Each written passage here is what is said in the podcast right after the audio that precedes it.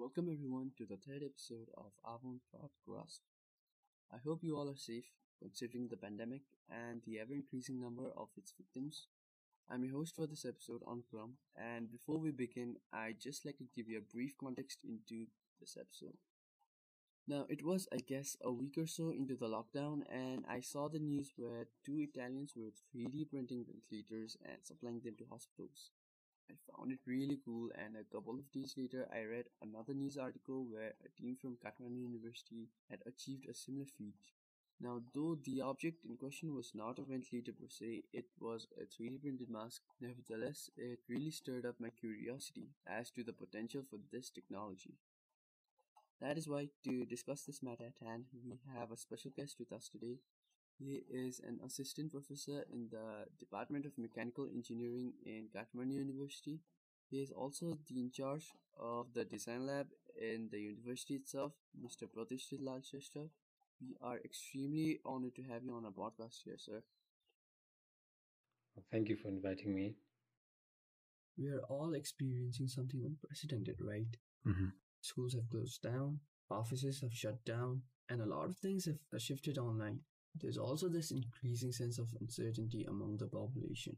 How has this whole thing, COVID 19 and lockdown that is, affected your daily schedule? Uh, well, before this crisis, um, normal day for me would be um, 7 to 7 rush. But now it's it has slowed down a bit. And I have enough time to spend with my family, which used to be only on Saturdays, obviously, for every Nepalese. Right. And plus, these days I can spend some time for my long due projects, uh, like home projects. I think I'm enjoying it. Great. Now, for me though, there are minor arguments erupting now and then because of being cooped up for so long. I guess it is nice to spend time at home for a change. I guess this lockdown has provided us with a chance to wind down a bit, and I also guess it is a chance to focus on things that we wouldn't have time for otherwise and explore our creativity. Anyways, moving on to the topic of the day 3D printing. Uh, now, many of our listeners might not be familiar with this. So, sir, could you please provide just a brief overview about the process? Yeah, uh, 3D printing is quite popular these days. Everybody is talking about it. Uh, well, 3D printing is one of the rapid prototyping methods that can literally print any kind of shapes, which would be impossible with other machines or by hand. Its principle is very simple is almost like making a roti. Yeah, both works on the same principle. I usually give this analogy. Uh, if you have seen uh, sail roti being made, uh, there's a thick paste which is extruded out of a small hole and it solidifies as it dips into the hot oil. 3D printing works almost the same way. Uh, here, instead of the paste, there is a plastic which is extruded and cooled to make a 3D object label layer a single piece of uh, roti or sail ring almost looks like a circle, right? So if you stack number of rotis on top of each other, then it'll look like a cylinder. That is exactly how a 3D printer works. The idea is to stack multiple layers on top of each other to form a 3D object. However, it is not as easy as printing text on a paper. There are a lot of parameters to understand and a lot of variables to consider and here the experience counts. You might need a bit of skill while printing, uh, or say, let's say 3D printing. Uh, in market, you can find like three different types of printers: um, FDM, SLA, SLS. Uh, out of which FDM is the most popular one, and yes, the cheapest one as well. Some of these work on the principle of um, deposition, and some uh, uses laser to cure, or whatever be the type of the printer, uh, the basic concept uh, remains same for all kinds of 3D printer.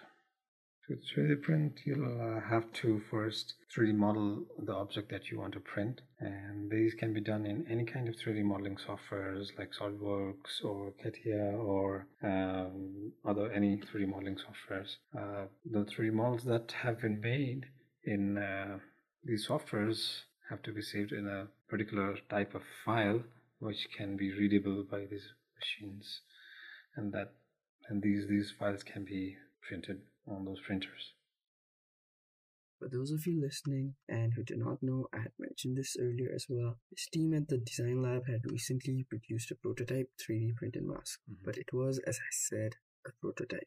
I just wanted to ask, sir, has there been any updates to this? Any research that has been done to test its effectiveness or any large scale production projects? Uh, thank you very much for bringing that up. Uh, the 3D printed mask was one attempt to make people familiar about uh, 3D printing technology and its usability, uh, especially in the situations like we are facing now. There are a lot of free designs of 3D printable masks available easily in the internet. Uh, we picked up one of the most uh, simple design. We studied it, put our thoughts together, and uh, modified it a bit. But unfortunately, before we could take it further, lockdown happened, and because of lockdown, we couldn't test it properly and carry on with the idea of mask. However, we have been uh, studying pros and cons of such 3D printed mask and trying to update the design uh, to make it more safe, more uh, sterilizable, and mass producible. There are a few problems with uh, most of the 3D printed masks that needs to be addressed. Uh, like first, uh, is its effectiveness, whether these masks actually work as a mask and whether they are able to block the particles or the viruses and all. Then the filter materials, sterilizing methods, and finally its cost. As I said earlier, 3D uh, printers are a type of rapid prototyping machines. As its uh, name suggests, it helps to produce, or let's say, the prototype, a design uh, but mass producing in it might not be a sustainable idea until now. Uh, it will be definitely expensive. So uh, we have been planning for upgrade, upgrading the mask uh, design and its manufacturability, um, as well as a testing facility to test its effectiveness. Probably once uh, we regain the access to our lab, uh, we'll continue our work on it we all know, right, and we have quite clearly seen it as well, that this pandemic has exposed a lot of flaws in the healthcare system both in Nepal and abroad. Now, one of the main concerning things that I find about this is the lack of PPEs and ventilators in hospitals because I always thought these were like the fundamental tools that you use to tackle situations like these. Uh, but the shortage just clearly highlights how unprepared we were from the start. Now, I had mentioned the Italians 3D printing ventilators earlier, hadn't I? Yeah. And I'd just like to extend the concept a bit and ask whether this technology in its present stage of development has any scope of producing these devices uh, to meet the demand in hospitals. This pandemic has definitely shown our status in many ways, and especially in the preparedness uh, in healthcare system. In situations like this, uh, 3D printers can be a very good option to produce devices or parts of the machine. In fact, it, uh, it is already being practiced throughout the world right now, uh, uh especially for the production of face shields, masks, ear savers, uh, nasal swabs, and many more. Uh, some of them are using it to fabricate parts of mechanical ventilators as well. And even in Nepal, a number of makers and individuals are doing it. I highly appreciate all the people who have been uh, working on to fight against this crisis in their own ways. This is precious. Now, before we move into discussing about the design lab, I'd just like to ask you a last question about this topic, 3D printing. Yeah. Uh, this is more personally inclined as well because I just started learning Blender, uh, 3D modeling software for those who do not know. And I wanted to know whether a skill of 3D modeling can be useful in the future for amateurs uh, who are not necessarily engineers. Blender is a very powerful tool. It's good that you're learning it there are a lot of things that can be done using Blender. Uh, 3D modeling, sculpting to animations, and many more. Uh, though we practice SolidWorks in Design Lab, Blender is one of our favorites and probably will be using it more uh, in our lab as well. Well, 3D uh, modeling has a lot of benefits and applications. Uh, one of the most important aspects is that it helps you visualize things that are virtual or not visible to your eyes and uh, for example, let's say uh, if I ask 10 people to imagine an apple, probably they'll imagine 10 different types of apple, uh, different size, shape, color. Uh, but if I 3D model an apple and show it to 10, uh, those 10 people, probably they'll see the same apple, the same size, shape, and color, and all the attributes. That's the power of 3D modeling now. You can bring your ideas uh, to virtual reality, uh, test its functions uh, and its strength, even without fabricating physically. And you can put your ideas very strongly and clearly to the audience. 3D uh, modeling uh, seems like a new word, but uh, it's nothing new. It's only the digital version of what we used to do in our childhood with clay or dough. Uh, like we used to make um, houses and idols of clay. Yeah, that's uh, 3D printing is 3D modeling is only its digitalized version. Uh, you do not have to be an engineer to find application of 3D modeling. Uh, there are a lot of applications of 3D modeling in uh, almost all the fields for example, uh, let's say in medical field, if you need to perform a surgery and uh, add an implant to one's body, uh, 3D modeling can be very helpful. You know? Uh, through 3D modeling, you can custom design the implant and even uh, plant your surgery beforehand. well, with a proper 3D printer, you can even print those 3D modeled implants in titanium and fingers crossed, if everything goes right, Design Lab will soon be able to um, provide that service of 3D printing in metal. That is a great news. I'm certain that uh, the technology will be put to its maximum use. Uh, now, whenever I tell people about me being a medical student, I am fairly sure most of them imagine me dissecting cadavers the entire time. It's obviously not true. Anyways, I guess it's the same for the design lab as well because the name itself sounds pretty cool. But most of us are not familiar with what exactly happens there, what kind of projects are there, and what kind of designs are made. Could you uh, just describe your typical day at the lab? As the name suggests, design labs uh, work primarily hovers around design. Well, uh, there's no specific definition of design in Nepali um, design for an engineer may be uh, going through numerous calculations and for a painter maybe a painting and for a fashion designer may, it may be a new piece of cloth for a sculptor it may be a sculpture and so on and overall design means creating something that uh, can be used to solve specific problems or fulfill needs uh, that is what design lab focuses on design lab not only uh, helps an individual rapid prototype their ideas for the proof of concept, but uh, also does the technical incubation to help them uh, make their product user ready.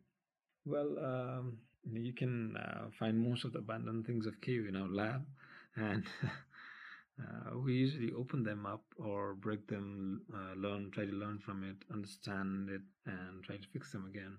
And the good thing is, no one is going to scold you for not being able to fix it again. The, the principle behind is to innovate.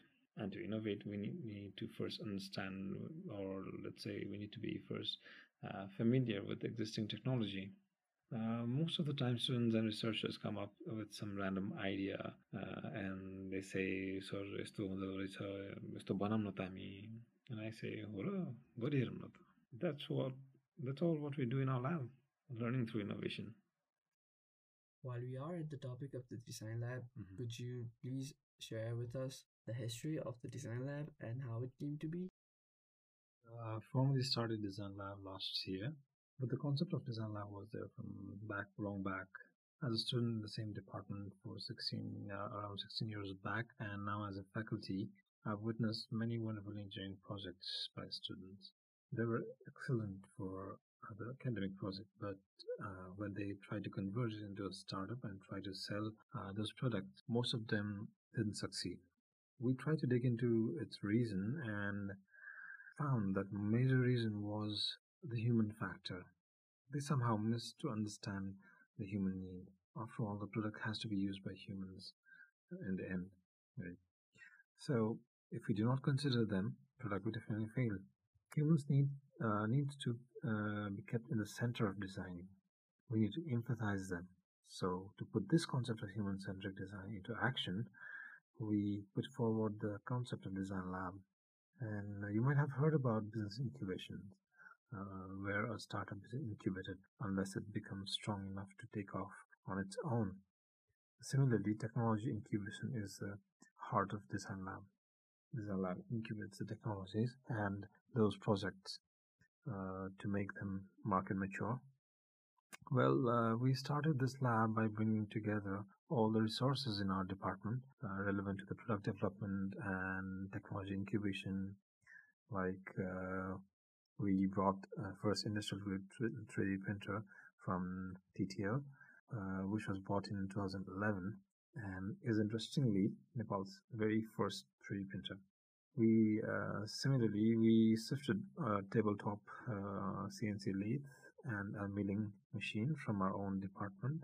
Uh, later, we bought four uh, new 3D printers, and the process of adding uh, such state-of-the-art machines is uh, going on and will be um, will go long the future. Uh, I'm sure in a few years, Design Lab will be well equipped with all those top-notch devices to facilitate the whole nation. It has been uh, only a year of Design Lab, but we have a long way to go. I managed to go through the website of the Design Lab earlier, and Mhm. Two student projects really caught my attention. Uh, these were bionic and prosthetic hands.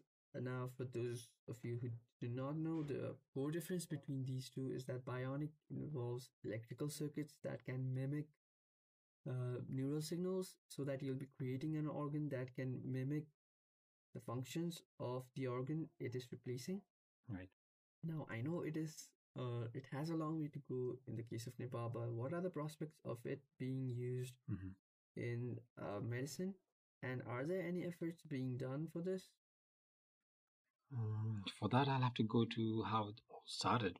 In uh, 2017, um, through Professor Bhim Shrestha, I was offered a fellowship by a UK based charity named Health Exchange Nepal, HEXN, uh, to visit Specialist Mobility Rehabilitation Center SMRC under uh, Royal Preston Hospital in Preston, uh, UK. I spent about six weeks there working together with the rehabilitation experts and manufacturing staffs there were a few moments that touched my heart uh, while I was there. Uh, there was an uh, ex-military who lost um, his both lower limbs in a war. He came to the center in, in a wheelchair and got his prosthetic legs done and left walking almost like any normal person. And that scene was uh, pretty amazing. And also uh, the happiness of a five year old child um, who was able to move her hand for the first time after receiving prosthetic. There were so many stories of true impact to motivate me towards this prosthetics. Uh, that's how the idea to work on prosthetic began. Uh, well, uh, many advanced prosthetics are available in the world right now, and the problem with them is they are pretty expensive. Uh, one of those advanced prosthetics is a myoelectric hand. Uh, it is more or less like a mind controlled hand, but with uh, slightly less accuracy. Uh, such hand would cost at least uh, 5 to 6 million Nepalese rupees, or even more, and that's way above our reach. So, uh, when I came back to Nepal along with my uh, some students, we plan to design such devices uh, which could directly impact people's life and could be produced in Nepal uh, with much lower cost. In the meantime, there was a news about a mechanical 3D printed hand for children, which was being distributed free of cost by a charity organization named uh, Enable Nepal. Uh, Enable Community is an international charity community, and Enable Nepal is uh, part of it. Uh, with uh, initiation from Professor Bhola Thapa, we collaborated with uh, Enable Nepal for 3D printing mechanical prosthetic hands in our lab. And with that, we had uh, one student, one hand initiative conceived. Uh, in which every student of design and manufacturing subdivision of uh, mechanical engineering would be trained on 3D modeling and uh, 3D printing of prosthetic hand as a part of their academic practice, or let's say the lab um, laboratory practice, and then connected with get connected with a child with uh, hand amputation. Uh, our students would learn 3D modeling and 3D printing, whereas the 3D printed hand would be uh, later provided to the paired children. All the printing costs uh, that would uh, be required for this uh, would be borne by the department, and this overall process gave us a solid base for our aim to work on bionic hand and the work in the bionic hand is still going on. Apart from prosthetic hand, uh, we are uh, working together with uh, medical personnel from hospitals on some devices for rehabilitation and gait analysis. Uh, all of them are done more or less uh, using 3D printing. Well, the interesting thing about 3D printing is that it can easily print complex and interlocked objects with almost same effort as uh, we would for a simple object. It saves time and definitely the effort that you have to apply. Uh, there are a lot of possibilities in medical field. One of the most popular areas in Nepal is uh, dental. Apart from that, internationally, people have been uh, 3D printing uh, costume casts, uh, implants, uh, model for surgery planning, uh, surgical guides, and many more. I see a lot of opportunity in uh, medical 3D printing. On a related note, recently the Design Lab had organized a collaboration between the School of Art and the Department of Mechanical Engineering to provide an overview about enameling. Right. Is it possible for similar inter-school collaborations, for example, the School of Medicine or perhaps Science, to better work out with the production of bionics or conversely get the students of science or medical science Mhm. uh, be better acquainted with the technology? Mhm. My understanding is that um, whatever we design or make, we do it to solve the problem uh, or fulfill a need. And when we actually start solving problems, we realize that we cannot do it alone. Let's take an example of a car. Uh, it is one of the best inventions till date, right? So if you go to buy a car, what did you look for? Is it on? Is it only aesthetics, or is it specifications, or both? The answer would be both, right? So the both are equally important. Aesthetics demand School of Arts, and specification demands School of Engineering. That's the synergy, um, what we are trying to achieve. Uh, we have been working constantly with uh, together with School of Art since uh, 2012 when we first organized and even named Art Engineering. Back then, Design Lab didn't existed. Um, it was an approach to bring together both uh, these schools along with their faculties, students, resources, and techniques. Uh, continuing the same culture, we had this workshop in enamel- enameling this year uh, for the faculties and students of arts and engineering. Well, enameling is a process of coating a thin layer of glass on metal, uh, especially copper, or a kind of glazing on ceramics. You might have seen uh, shiny old metal plates coated with some beautiful patterns or uh, some jewelries or some ceramics as well. Uh, as I as I had mentioned earlier, uh, we are also working together with some medical personnel as well for the bionic hands and other rehabilitation devices. Uh, for also for the last two years, we had uh, this collaboration with School of Medical Science uh, through study abroad program of bioengineering University of Washington, USA. Uh, every year, uh, the students and faculties from uh, Washington visit uh, us and they work together with engineering students in Dhulikhel Hospital and Design Lab. They try to identify the problem, existing problems and try to propose some solutions may it be engineering or kind of uh, other solutions as well. And uh, lately, just after the lockdown, uh, a small team of uh, engineers from Design Lab um, worked together with uh, the medical practitioners from different hospitals to develop a prototype of mechanical ventilator. Uh, we have completed the first stage of prototyping it, but again, due to inaccessibility to the lab and other resources, um, it has halted our work for now. Um, we have been getting inquiries from medical students as well uh, to work in Design Lab, and they're always welcome. In fact, Design Lab is open to all the stakeholders.